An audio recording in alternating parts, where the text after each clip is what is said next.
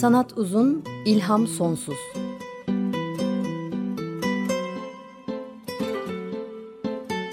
Sanat üzerine psikolojik sohbetler. Hazırlayan ve sunanlar Şenol Ayla ve Timuçin Oral.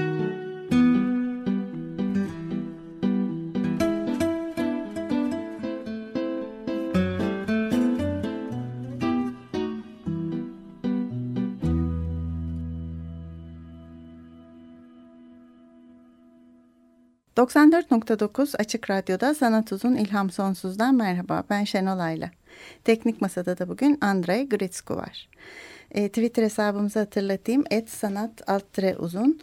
E, bugün de program sırasında bazı görselleri ve linkleri paylaşacağım ama çok çok fazla olmayacak bugün görsel e, veya linkler. E, daha sonra podcastımızı dinleyebilirsiniz. Açık Radyo.com.tr'nin ana sayfasından linkini bulabiliyorsunuz. E, artık Açık Radyo.com.tr'de bir de blogumuz var. Onun linkini de paylaşacağım. Ya da Açık Radyo.com.tr'de programların altına girdiğinizde Sanat Uzun İlham Sonsuz'u bulabiliyorsunuz. Kayıt arşivimizin linkini de daha sonra Twitter'dan paylaşacağım. Sanat Uzun İlham Sonsuz'un korkuyu konu alan programlarının ikincisindeyiz. Geçen hafta korku konusuna başlamıştım ve kendimden doğru bakarak e, kendi korkularımdan hareket edeceğimi söylemiştim. Çocukluğumdan bugüne nelerden korktuğuma paralel olarak bunların sanattaki görünümlerinden bahsediyorum bu korku odaklı programlar serisinde. Öyle olunca geçen hafta ilk bölümde çok çocuktum ve masallardan söz ettim. Masallar ve içerdikleri korku öğelerinden. Bu hafta çocukluktan çıkıp yaşım biraz daha ilerleyince korktuğum şeylerin türü değişti. Şimdi bakın neler var onlardan bahsedeceğim. Ee, geçen hafta masallar ve halk hikayeleri de bir yandan o kültürün ve toplumun gündüz düşleri olup e, hem de o kültürün insanlarını tehlikelere karşı uyarıcı özellik de taşıyorlar demiştim. E, nasıl doğada korku hayvanları tehlikeli yırtıcılara karşı uyarıyorsa masallarda da tehlike olarak devler, kötü niyetli kadınlar, kötü niyetli adamlar, devler, büyücüler var ama aslında bunlardan korkarak çocuklar yabancılardan ve tehlikelerden uzak durmayı öğreniyorlar e, demiştim. Mesela İzlanda masallarında uçurum yamaçlarında ya da dik kayalıkların tepelerinde yaşayan devler ve troller e, vardı ve bu masallar çocukları İzlanda'nın acımasız doğasından koruyup kendi başlarına yerleşim yerlerinden uzaklaşmalarından koruyorlardı. Bunun gibi de Nijerya masallarında da suya çok eğilen çocukları kapı veren su ana vardı ki o da aynı işlevi görüyordu ve çocukları korkutarak koruyordu. E, zaten Charles Darwin de demişti ki korku canlıların hayatta kalmasına yardımcı olan en temel dürtüsel araçlardan birisidir. Doğada yırtıcı hayvanlardan ve tehlike yaratan doğa olaylarından korunması ve canlı kalabilmesi için korku son derece gereklidir. İşte benim bir sonraki korkum da aslında korkularım da aslında böyle doğayla çevremizle ilişkili korkulardı. Çocukluktan çıkıp gençliğe geç, geçtiğim zamanlarda. O dönemlerde televizyonda seyrettiğim belgeseller birden farklı hal e, almaya başladı gözümde.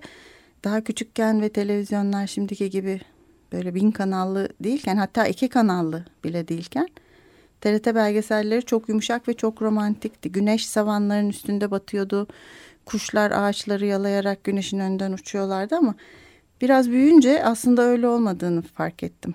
Hmm, belki de renklenip çok kanallı hale gelen televizyonun da etkisi var bunda ama sonuçta yakından bakınca doğal belges doğa belgesellerinde kaplanın antilopu boğazladığı, aslanın zebranın karnını deştiği, timsahın suyu geçmeye çabalayan ceylanları parçalara ayırdığı, hatta erkek aslanların kendi yavrularını yediği farklı bir acımasız bir dünya fark ediyor insan.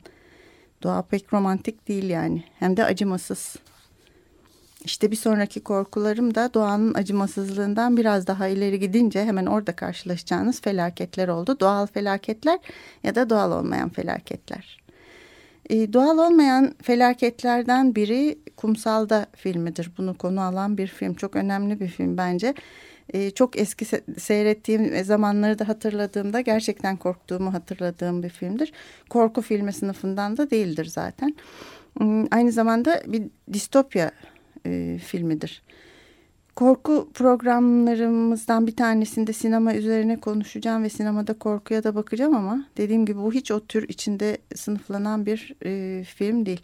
Ama onun için burada yeri var. Kendi korkularımın ekseninde burada konuşmak istiyorum onunla ilgili. Orijinal adı On the Beach. Stanley Kramer'ın yönettiği 1959 yapımı e, bizde Kumsal'da adıyla oynamıştı hatırlıyorum. E, şimdi de internette sahilde adıyla bulabiliyorsunuz seyredebilirsiniz. E, çok ilginç bir film. Distopik dedim bir dünyadan bahsediyor. Distopik toplumlar özellikle konusu gelecek zamanlarda geçen ıı, hikayelerde yer alıyorlar. George Orwell'ın 1984'ü, Aldous Huxley'nin Cesur Dünyası gibi. E, ama kumsal da alışılmadık bir şekilde şimdiki zamanda geçiyor. E, yapıldığı yıllarda geçiyor. Belki o kadar korkmamın en büyük nedeni de budur. Çok uzak bir fantastik bir dünyadan bahsetmiyor. Korku sanatları ve filmleri yapıldıkları dönemin korkularını yansıtır ıı, demişti Giovanni Scognamiglio. Geçtiğimiz yıl kaybettiğimiz e, Giovanni Scognamiglio e, yazar, sinema tarihçisi, araştırmacı, eleştirmen, çevirmen, eğitmen çok önemli bir kişiydi. E, çok zarif e, bir insandı. Bir Levantendi. E, sinema, fantastik edebiyat, bilim kurgu, korku edebiyatı ve okültizm üstüne kitaplar ve yazıları vardı ve korku edebiyatının da önemli bir araştırmacısıydı. Başka bir programda ona yine döneceğiz ama e, korku sanatları ve filmleri yapıldıkları dönemin korkularını yansıtır e, sözü çok uyuyor Kumsal'da filmine. 1959 yılının bir korkusunu yansıtıyor Kumsal'da filmi de nükleer savaşı. Kısaca filme bakarsak e, dediğim gibi bir bilim kurgu bir felaket ve bir dram filmi. Siyah beyaz bir film. Gregory Peck, Eva Gardner, Fred Astaire, Anthony Perkins gibi dönemin ünlü e, yıldızları oynuyorlar. Neve Shoot'un aynı adlı romanından uyarlanmış e, bir film. Bir nükleer savaş sonrası dünyaya e, odaklanıyor. Bir nükleer olay olmuştur. Tam olarak savaş mı kaza mı onu anlamayız ama e, ve filmde de net olarak taraflardan hiçbiri suçlanmaz. Sadece bu olayın sonrasına bakılır. E, çekildiği günden yani 1959'dan sadece 5 yıl sonrasında 1964'te geçer. E, filmin vermek istediği mesaj açısından da bu makul bir süre ve zaman. Bunun mesaj noktasına filmi biraz özetledikten sonra geri döneceğim.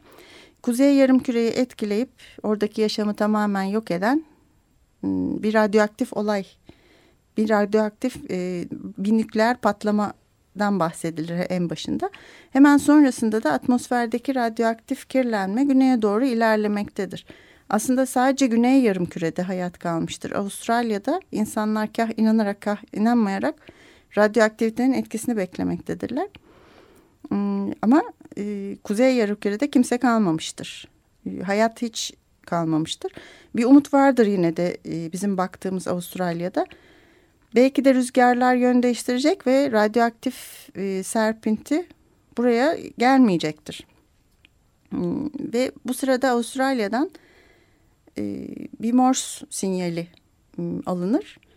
Ve bu bir um, umut olur herkes için. Birleşik Devletler'in batı kıyısından geliyor gibi görünmektedir. Ve o sırada son Amerikan nükleer askeri denizaltısı Swordfish'te Avustralya e, sularındadır. E, artık ülkeler de yoktur, e, düşman da yoktur, dost da yoktur. Ve gidip bunun görevi gidip bu Morse sinyalinin kaynağını bulmak. Çünkü onu bulurlarsa ve hayat varsa her şeyin değişmesi umudu da olacaktır. Böyle bir görev alır üstüne. E, film bu eksende giderken e, çok hoş tarafı o sıradaki insanların psikolojilerine bakar. Bir savaş filmi değil bir e, bilim kurgu olmasına rağmen tamamen psikolojilerine odaklanmış e, bir filmdir. Mesela bu denizaltının kaptanı Dwight Towers ki bunu Gregory Peck oynuyor. Hmm, çocukları ölmüştür bu radyoaktif kaza sırasında. Eşi de ölmüştür. Ama iki çocuğu ve eşi yaşıyorlarmış gibi yapar devamlı. Onlardan şimdiki zamanda konuşur ve hep onlarla e, haberleşiyormuş gibi e, hayal eder. Avustralya'da yaşayan e, alkolik bir e, kadın vardır Moira Davidson, Eva Gardner'ın oynadığı. O da sürekli içerek içkiye sığınmaktadır. E, ve bu arada da Avustralya hükümeti intihar e, tabletleri hazırlamaktadır. Halka dağıtmak üzere isimle dağıtmak için.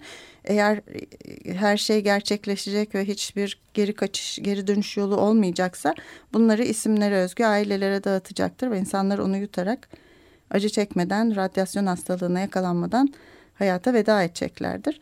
E, Anthony Perkins'in oynadığı bir e, subayda karısı ve yeni doğmuş kızlarıyla beraber bu haplarla ne yapacaklarını düşünmekte ve e, sakin bir şekilde aslında kendisi bunları içmeyi önerirken karısı da hayır ben kızımı öldüremem.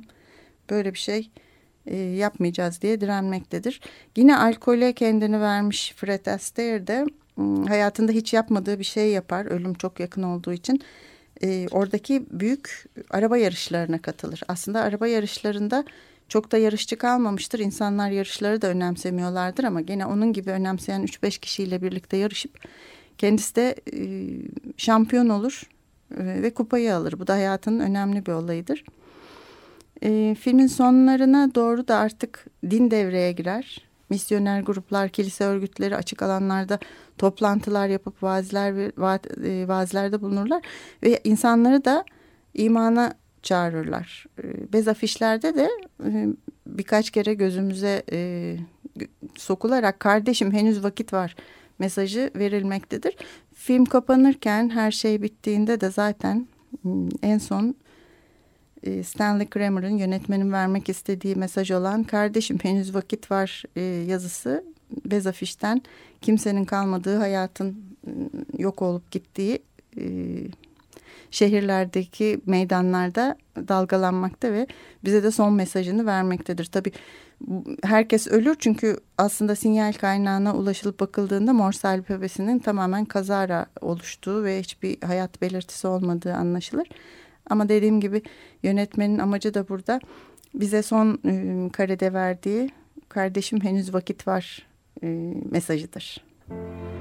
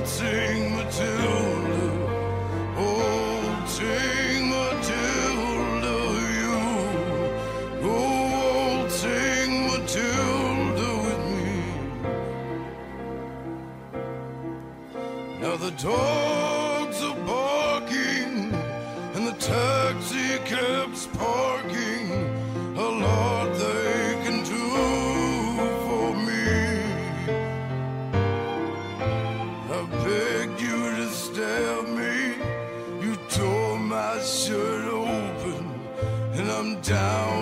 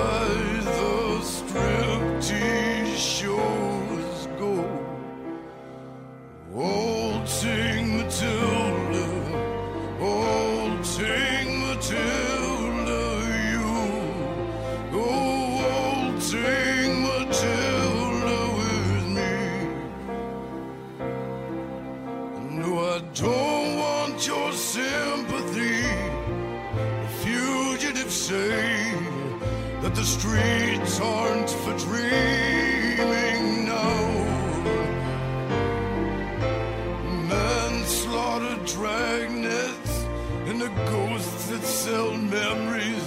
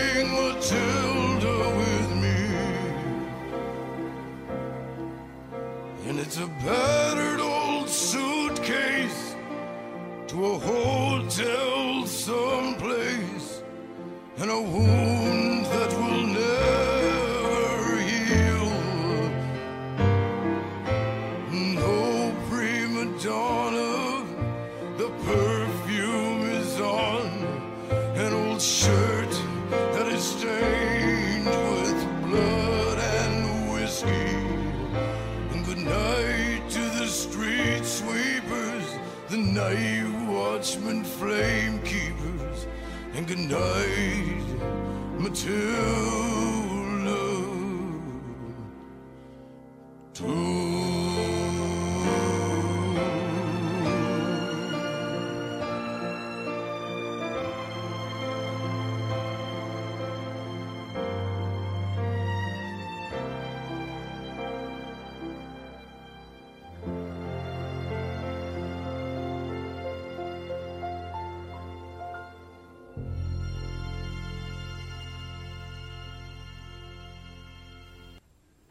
...94.9 Açık Radyo'da Sanat Uzun İlham Sonsuz'u dinliyorsunuz. Tom Waits'ten dinledik. Tom Roberts Blues. Waltzing Matilda olarak da biliniyor ama bu doğru ismi değil Tom Roberts Blues. Çünkü e, neden bunu çaldığımızı söyleyeyim. Waltzing Matilda bu Kumsalda filminde her formuyla cazından sokak sarhoşlarına kadar e, herkesin ağzından söylenen klasik müzik şeklinde çalan küçük pasajlara çalınan ve filmin ana müziği sayılan bir şarkıydı aslında Waltzing Matilda olan. Bu Avustralya'nın da en iyi bilinen e, kırsal hayatı anlatan e, Bush Ballad denen şarkılarından, balatlarından ve aslında gayri resmi ulusal marşı da sayılıyor Avustralya'nın. Hmm, Matilda sırt çantası heybesi e, anlamına geliyor ve dolaşan gezin, gezgin sırt çantasıyla dolaşan gezgin e, anlamında onun acıklı öyküsü burada da Tom Waits'in anlattığı. Orijinal Waltzing Matilda e, şarkısının e, dan esinlenmiş bir şarkıydı bu. Onun temalarını biraz içeriyordu ama sözleri tamamen farklıydı. Tom Waits'in ondan esinlenerek yeni bir parça oluşturduğu e, bir parçaydı. Hmm, ve e, Waltzing Matilda da e, başkaları tarafından da seslendirildi. Rod Stewart gibi. E, sanat uzun ilham sonsuzda sanat eserlerinden esen, esinlenerek e, sanat eseri ortaya çıkaran sanatçıları seviyor ve onları bulmaya çalışıyorum. Bu da güzel bir örneğiydi bunun. E, Stanley Kramer da çok hoş bir yönetmen. E, 1913 doğumlu, 2001'de ölmüştü. Musevi asıllı Amerikalı. Hmm, ve Hollywood'un en önemli bağımsız e, sinemacılarından. Tabu sayıldıkları zamanlarda cesaretle ırkçılık e, gibi, bu nükleer savaş gibi e, tabu sayılan konulara eğilen filmler yaptı. Mesajlı filmler diye adlandırılan bu filmleri arasında bizim de yakından bildiğimiz ve bazen açık radyoda konu olan e, filmler var. Inherit the Wind gibi, Rüzgarın Mirası gibi e, Güven Güzeldere tarafından da konu edilmişti bu. Ve ünlü maymun davası vakasından esinleniyordu. Darwin teorisini öğrettiği için tutuklanan bir öğretmenin öyküsü bu filmde. Hmm, ve öğretmeni savunmak üzere de ülkenin hmm, önemli ve cesur avukatlarından biri geliyor ve e, biz bu davayı izliyoruz film boyunca aslında dava kişilerin ötesine geçerek bilim ve din arasında yani evrim ve yaratılış arasındaki bir hesaplaşmaya hmm, dönüşüyor. Bunu da internette bulup izleyebiliyorsunuz. İzlemesi çok zevkli, çok heyecanlı bir film. 1960 yapım bu da ve Stanley Kramer da bu film için diyor ki maymun davasının ruhu hala yaşıyor çünkü bu davanın asıl konusu insanın düşünme özgürlüğü ve öğretme özgürlüğüdür. Filmin ana konusu aslında budur. Üstünden tam olarak 58 ıı, yıl geçmiş. 58 yıl geçtiği halde 2017 yılında bugün biz evrimin müfredattan kaldırılmasını konuşuyoruz. Bu nokta distopyadan söz etmek için uygun mu? Bence çok uygun. Distopya biliyorsunuz ütopik bir toplum anlayışının tam tersi antitezini tanımlamak için kullanılıyor ve genellikle otoriter, totaliter bir devlet modeli ve baskıcı bir benzer bir sistem altında e, yaşanan şeyleri anlatıyor. Hmm, John Stuart Mill tarafından kullanılmış bu e, kelime ama distopya dediğimizde dediğim gibi daha önce de 1984'ü Aldous Huxley'nin Cesur, Cesur Yeni Dünyası'nı hatırlayabiliriz. Ama onlardan çok daha önce bir şey var şimdi bahsetmek istediğim. Yine benim e, çok genç yaşta okuyup korktuğum eserlerden biri, romanlardan biri Ceza Sömürgesi Kafka'nın. Ceza Kolonisi'nde adıyla da yayınlanmış bir versiyonu var Türkçe'de ama bence Ceza Sömürgesi doğru ismi. 1919'da yazılmış e, Ceza Sömürgesi. In der Strafkolonie orijinal adıyla. E, ceza Sömürgesi'ni okumak dediğim gibi benim e, çocukluktan sonrasında ergenliğime rastladı. Belki de bir distopya ile ilk karşılaşmamdı bu. Daha önce hayatım böyle hiç kaçış olmayacak, kaçınılmaz derecede kötü ve korkunç olabileceği bir dünya aklıma gelmemişti doğrusu. Onun için belki o yüzden çok korktum ve etkilendim. Hala da korkutan bir öyküdür beni. Ee, şimdi distopyalara her yerde, her gün günlük hayatımızda da ucundan kıyısından rastlıyoruz. O yüzden öyküler o kadar korkunç gelmeyebiliyor ama böyle bir dünyayı düşündüğünde çok korkuyor insan. Çıkış şansının olmadığı, ne yaparsan yap kaçamayacaksın etrafındaki hiç kimsenin bir şeylerin değişmesinden umudunun olmadığı e, karanlık bir dünya. Ceza sömürgesi böyle bir dünya. Yazıldığı dönem düşünülünce e, ki bunu aslında 1919 dedim dönüşümden dört yıl sonra yazmış. Türünün ilk örneklerinden de sayılabilir. Şimdi şimdi dünya tümüyle delirmeye, dünya aklını yitirmeye başladığında edebiyatta da distopyalar, e, sinemada distopya filmleri çoğaldı. Popüler kültürün de bir parçası haline geldi bunlar ama 1900'lerin başını düşündüğümüzde çok önce birkaç eser dışında çok sık rastlanan ve popüler bir tür değildi. Kafka da bunu bir distopya olarak yazmadı diye düşünüyorum ben zaten. E, ceza sömürgesi e, okuyanlar hatırlayacaktır. Mahkum, subay ve gezgin e, olarak adlandırılan üç karakter e, arasında geçer. Öykü e, ceza sömürgesini incelemekte olan gezginin ağzından anlatılır. Gezgin dünyayı tanımak ve keşfetmek üzere gezen bir seyyahtır, bir gözlemcidir. Aynı zamanda da e, ceza sömürgesine de bir görevle gelmiştir. Ceza sömürgesinin neresi olduğu e, belirtilmez. Belirsiz bir adıdır, ismi de yoktur. E, Subay Gezgin'e makine adı verilen bir tür işkence aslında infaz aleti daha doğrusu. O infaz aletini tanıtır. O sırada bir de mahkum vardır e, ve makine onun üzerinde işlevini yapıp cezayı yerine getirecektir. E, çok incelikle tasarlanmış, çok başarılı e, bir makinedir. Subay da bu makineye hayrandır ve e, övmektedir onu. Ayrıntıları beğeniyle anlatır, anlatırken de mahkum üstünde gösterir. Aslında makine eski kumandan tarafından şu an artık ölmüş olan o, o adanın ıı, ceza sömürgesinin eski yöneticisi eski kumandan tarafından tasarlanmış ve geliştirilmiştir. Gezginin görevi de bu infazı izleyip bu sistemle ilgili bir rapor hazırlamaktır. Bu işlemin devam edip etmemesi yönünde görüş bildirecektir. Ee, bir ilginç şey var aslında Kafka'nın hayal gücüne şaşırmak için bir neden daha aslında makine günümüzün bir ım, püskürtmeli printerleri gibi inkjet printer gibi çalışıyor. Hatta bir kartuşu vardır ve mahkumun sırtına da işlediği suç ve çiğnediği yasak yazılmaktadır.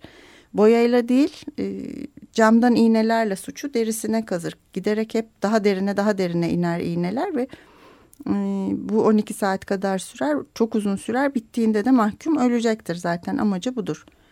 Bu sırada e, söz konusu olan mahkumun itaat etmediği emir üstlerine saygı duydur ve bu yazılacaktır sırtına.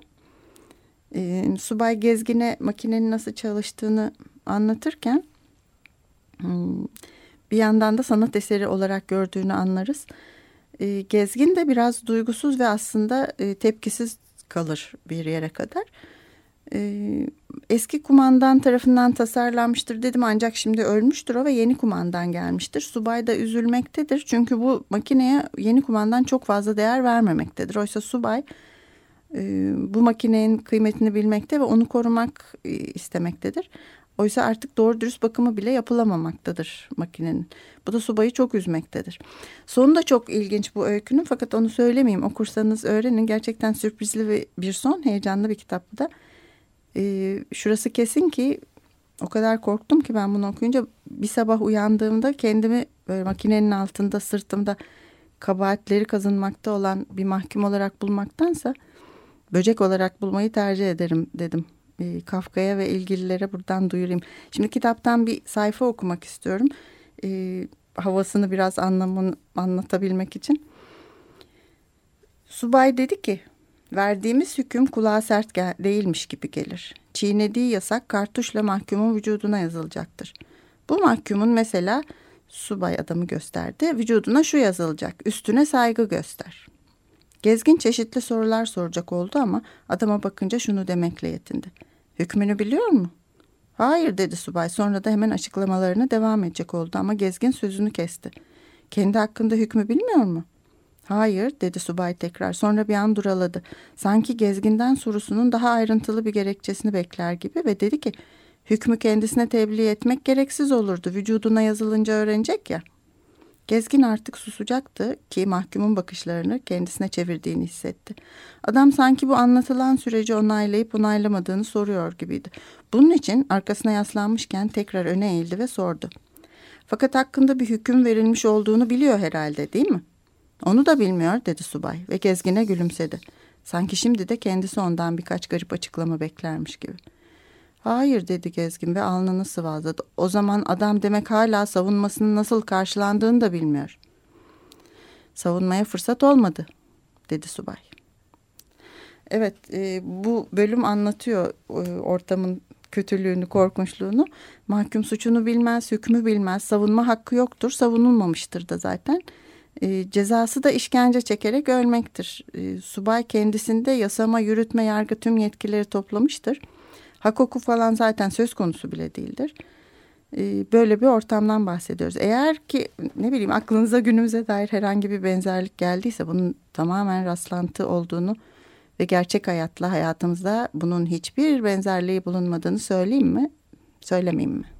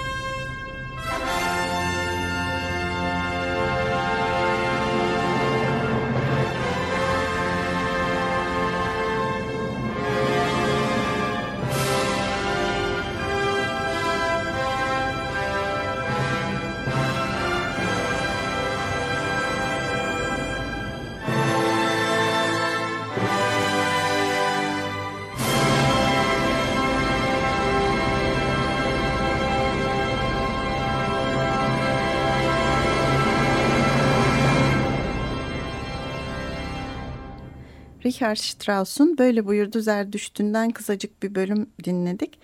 Ee, Stanley Kubrick'in 2001 Uzay Yolu Macerası filminde de önemli bir rolü vardı bu parçanın. Ceza sömürgesine dönersek çok sayıda yoruma, teze, araştırmaya konu olmuş ceza sömürgesi. Çok taraftar bulan ve beğenilen bir görüşe göre eski kumandan, ölmüş olan ve makineyi e, yaratmış olan, tasarlamış olan eski kumandan eski ahiti ya da tanrıyı te temsil etmektedir. E, subay der ki makineyle ilgili olarak e, çünkü bende burada eski kumandanımızın bununla ilgili olarak kendi eliyle yaptığı çizimleri var. Kumandanın kendi çizimleri mi diye sorar Gezgin. Her şeyi kendisinde mi birleştirmişti? Asker, hakim, teknisyen, kimyager, çizimci. Subay da der ki elbette. Durgun düşünceli bir bakışla o her şeyi kendisinde birleştirmişti. Asker, hakim, teknisyen, kimyager, çizimci. E, her şey eski kumandandır. Bütün bunların hepsi yani bir anlamda tanrıdır. Bir başka görüşe göre de zaten e, eski ahit değil de sömürgecilik anlatılmaktadır burada. Avrupa'nın sömürgesi haline getirdiği ülkelerde yaptığı şeyler temsil edilmektedir. Eski kumandanla. Sömürge ülkelere göre beyaz Avrupalı her şeye muktedir olan kumandanlarıdır. Askerdir, hakimdir, teknisyendir, tasarımcıdır, karar verir ve cezalandırır. Ee, yazıldığı sırada Avrupa'yı düşünürsek Birinci Dünya Savaşı'nın başladığı sıradır. Ee, ve aynı zamanda da 20. yüzyılla birlikte insanın insana karşı totaliter, baskıcı, acımasız e, bir durum takındığı ve bütün Avrupa'yı etkisine alan bir şiddet yüklü atmosferin hüküm sürdüğü bir e, durumdan bahsediyoruz. Bunun da Kafka'yı nasıl etkilediğini belki de görebiliyoruz biraz burada. E, ve çok önemli bir yorum da Kafka'nın ceza sömürgesini yazmadan e, hemen önce Kierkegaard'ın korku ve titremesini okuduğuna dikkat çekmektedir. E, ve orada da denmekte ki Kierkegaard'ın bu eseri korku ve titremesi e, İbrahim'in Tanrı'ya imanı, itaati ve merhameti hakkındadır. Kafka'nın bu öyküsü de işte aynı buradaki gibi e, bu üçlemeyi ele almaktadır. Subay aslında İbrahim'dir. Oğlunu Tanrı'ya e, kurban etmesi istenen ve bunu e, kabul eden İbrahim'dir. Tanrı'nın yani eski kumandanın e, yaptıklarına sonsuz inancı vardır subayın. Hiç onu sorgulamaksızın kabul eder. Onun buyruğunu harfiyen yerine getirir ve itaat eder. Bu da e, makinede Tanrı'nın emirleri karşısında insanın çöküşüdür, çürüyüşü ve suistimal edilmesidir e, der. E, burada da makinenin aslında e, Tanrı'nın eliyle oluşturulmuş emirler ve boyun eğmek zorunda duruna, e, olunan bir dizi yönerge olduğunu anlıyoruz. E, ve öykünün sizlere aslında anlatmadığım sonunda da biraz söyleyeyim merhamet gelecek ama tabii çok kesin ya da çok basit değil her şey Kafka söz konusu olduğunda ve yorumları açıktır. E, aslında İbrahim'in oğlu İshak'ı kurban etmek için e, dağ yolculuğuna ilişkin Tevrat'taki öyküler de bir sürü şekilde yorumlanmış. E, erken dönem Hristiyan kilisesi tarafından iman ve itaatin kutsanması amacıyla bu öykü kullanılmış. E, Musevi kültüründe daha sonraları da bu öykü Tanrı'nın merhametini istemek için kullanılmış. Çünkü melek gelip bir aşamadan sonra der ki elini çocuğun üstünden çek sende onda hiçbir şey yoktur. O zaman kurban etmek için kalkan el yerine yerde kalan yani davranmayan merhamet eden el önem kazanır iman, itaat ve merhamet sosyal erdemlerdir der. Hatta Bob Dylan'ın bir şarkısının da açılış cümlesi. Tanrı dedi ki ne isterse yapabilirsin İbrahim ancak gelecek sefer beni görmeye geldiğinde koşmalısın. İbrahim dedi ki onu nerede kurban etmemi istiyorsun? Tanrı dedi ki 61. ana yolda. Bu Highway 61 Revisited şarkısından Bob Dylan'ın e, burada tabii daha farklı iman, itaat ve merhamet gibi değil de daha inkar, e, belki gözdağı, keyfilik e, var. Böyle de yorumluyorlar. E, İbrahim'in seyahati, oğlunu kurban etmek üzere dağa çıktığı seyahati de Kierkegaard'ın korku ve titremesinin merkezi e, teması. Ancak e, İbrahim Tanrı'nın kudretinin bir aracı olma arzusunda burada. E, İbrahim'in bu ıstırabı çekişi ve yüceliği de diyorlar sosyal değerlerin tipik örneği olmasının aksine aslında onun toplumdan ve sosyal usullerden radikal bir biçimde kopmasını sağlamaktadır. Tıpkı bizim subayımızın durumu gibi aslında buradaki durumda. E, Kierkegaard'ın bizi İbrahim'in yüceliğiyle etkilemesinin de çok özel bir amacı vardır diyorlar e, yazarlar. Aslında söz konusu öykü okuyucunun dikkatini bazı çok temel sorulara çekmek için kullanılmaktadır. E, bütün bunlara değil sadece öyküde anlatılan ıstırabın doğasına odaklanmamızı istemektedir. E, hemen bu ceza sömürgesini yazmadan önce okuduğu düşünülünce hmm, Kafka'nın Kierkegaard'ın bu eserini e, belki de bu doğruluk kazanabilir. Istırabın doğasına odaklanmamız onu da etkilemiş olabilir. E, Kafka'nın bu öyküsünde geçen ceza sömürgesi adasının da günümüz toplumumuzun bir mikrokosmosu olduğunu söyleyenler de var. Hmm, toplumun kendileri için yapılmış yasalar, kurallar neyse onlara uymaları e, gerektiği, itiraz akıllarına bile gelmeyen bir kesimini anlatıyor. Ve o yasaları tartışmak söz konusu bile değil. Nasıl ki subay eski e, eski kumandanın yarattığı makine neyse odur ve tartışmasız kullanmaktadır. Toplum da bunu yapabilmektedir. Kendisine dayatılan neyse onun doğru olduğunu kabul eder. Ama dedim ya sonunda da bir sürpriz bekliyor. Gene bir umut veriyor. Kafka'nın çok da karanlık bitmeyen ender öykülerinden e, sürreel bir öykü ve kabus gibi bir atmosfer ve insanların daha iyi bir gelecek için sorgulamaları, gelenekleri hatta yasaları sorgulamaları, kabullenmeden önce kendi düşünce sistemlerinde süzgeçten geçirmeleri yönünde bir umut da içeriyor. Şimdi bir müzik arası verelim e, ve soğuk bir parça dinleyelim. Vivaldi'nin dört mevsiminden e, kışın üçüncü bölümünü dinleyeceğiz.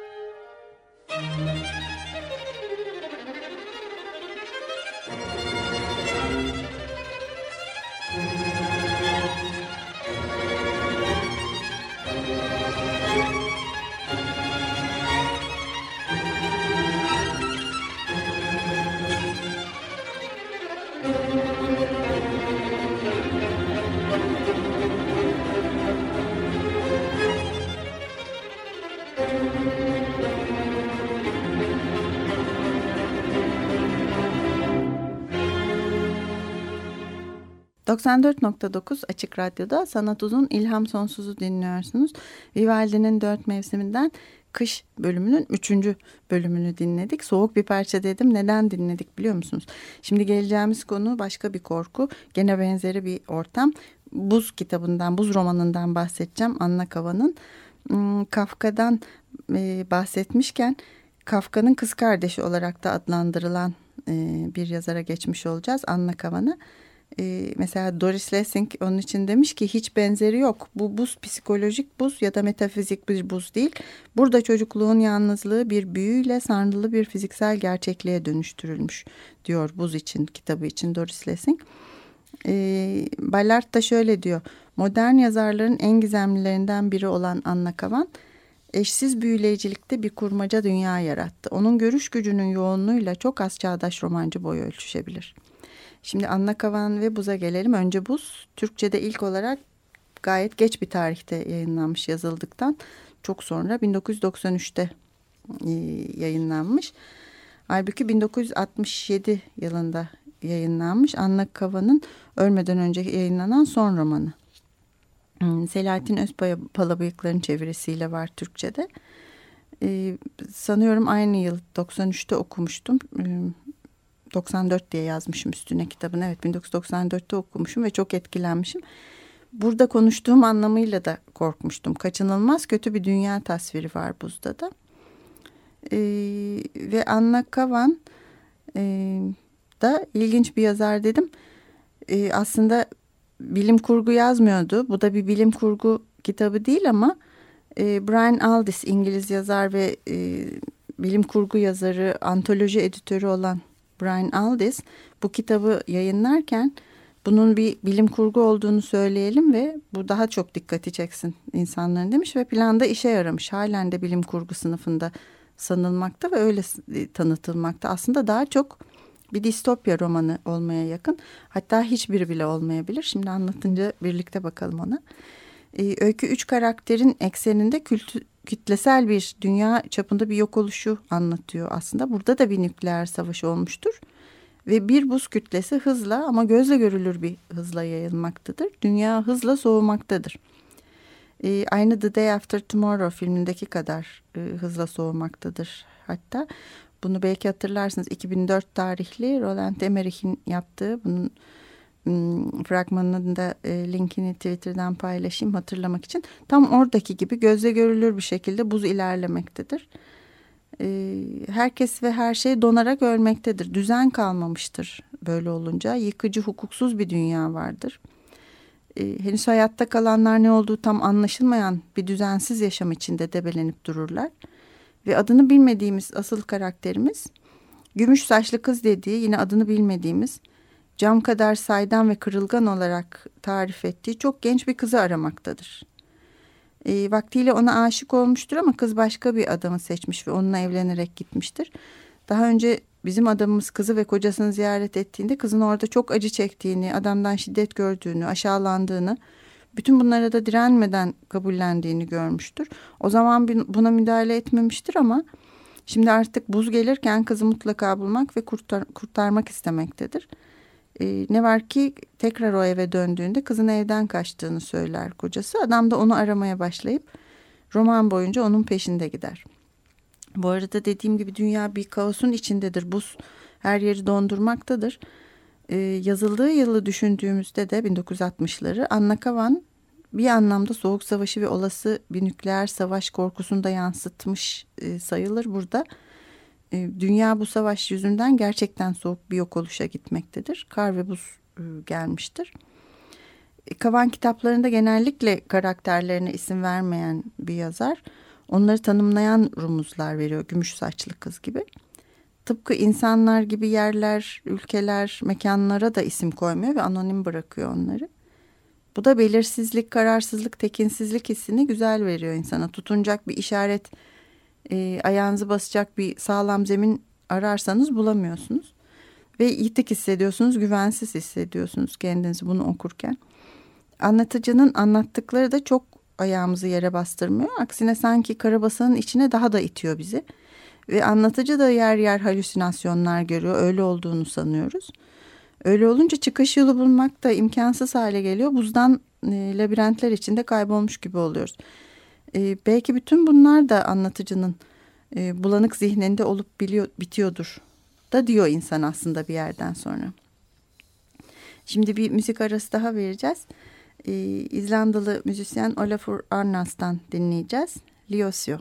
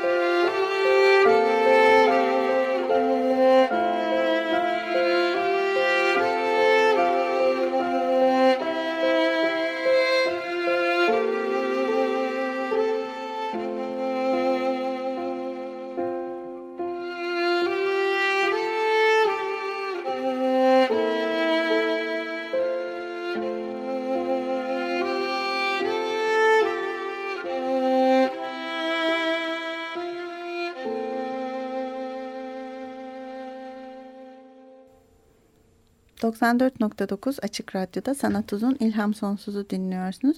İzlandalı müzisyen Olafur Arnas'tan dinledik. Liosio'ydu. Found Songs albümünden de 2009 tarihli.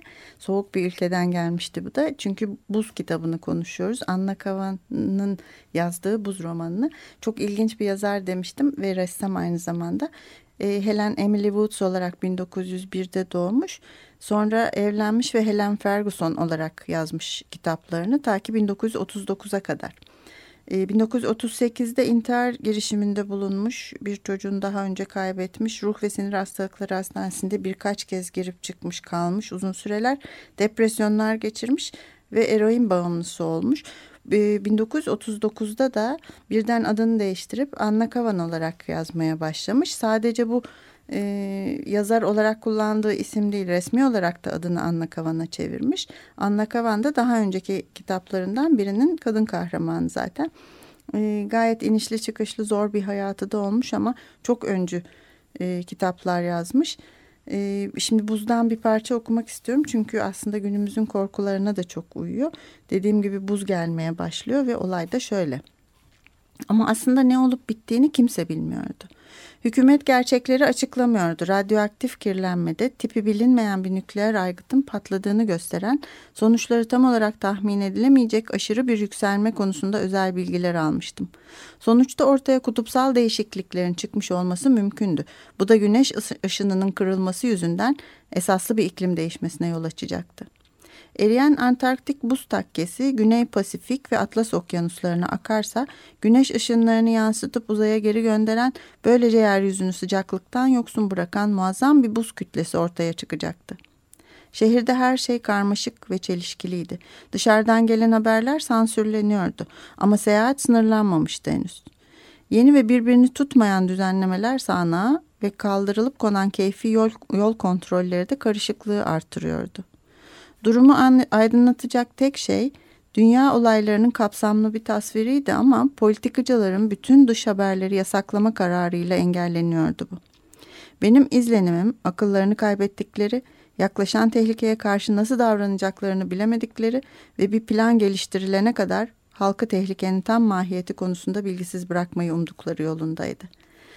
Ee, burada da gördüğümüz gibi çok e, tanıdık e, tanıdık şeyleri çok bundan çok yıllar önce bunlardan henüz konuşmadığımız zamanlarda yazmış Anna Kavan. İlginç bir e, yazar dedim. Şimdi buna bakınca güncel iklim haberleri buna çok benziyor bu kitaba ve bundan daha gerçek bir korku olabilir mi diye sormak istiyor insan. Bu kitabın e, buz kitabının romanının geçeceği günlere gerçekten çok yakınız gibi anlaşılıyor.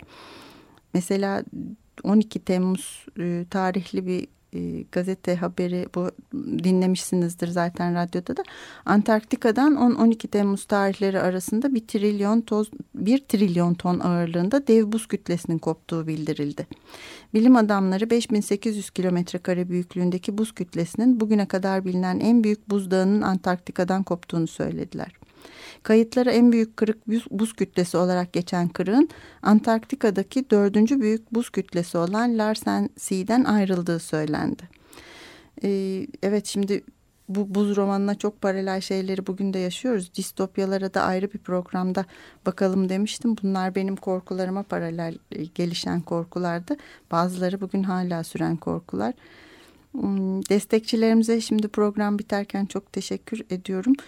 Bugün yine e, sanattaki korku görünümlerine baktım. Daha çok gerçekçi korkulardan e, bahsettim. Demiştim daha da devam edecek. Kısa bir liste değil çünkü korkularım ve sanattaki görünümleri diye. Bugün son olarak e, ilginç bir parça dinleyeceğiz. E, Ludovico Einaudi'den Elegy for the Arctic'i dinleyeceğiz.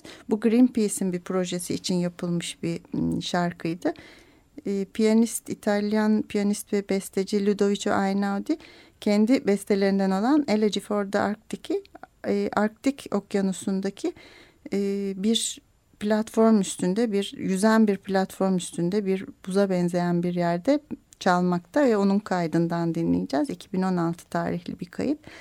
E, ben de size hoşça kalın derken Winter is coming diyerek bitireyim bari. Serin bir hafta dilerim. Hoşça kalın.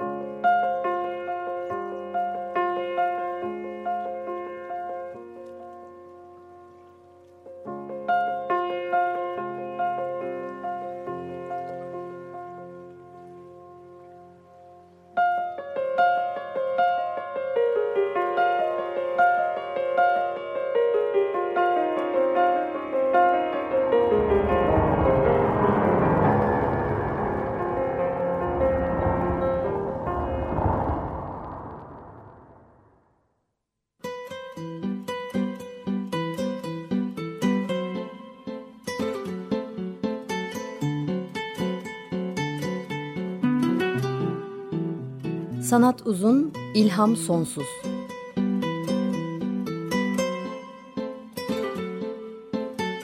Sanat üzerine psikolojik sohbetler. Hazırlayan ve sunanlar Şenol Ayla ve Timuçin Oral.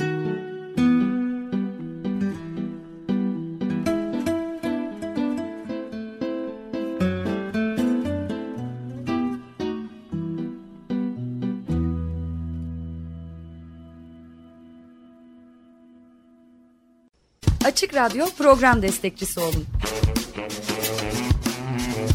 Bir veya daha fazla programa destek olmak için 212 alan koduyla 343 41 41.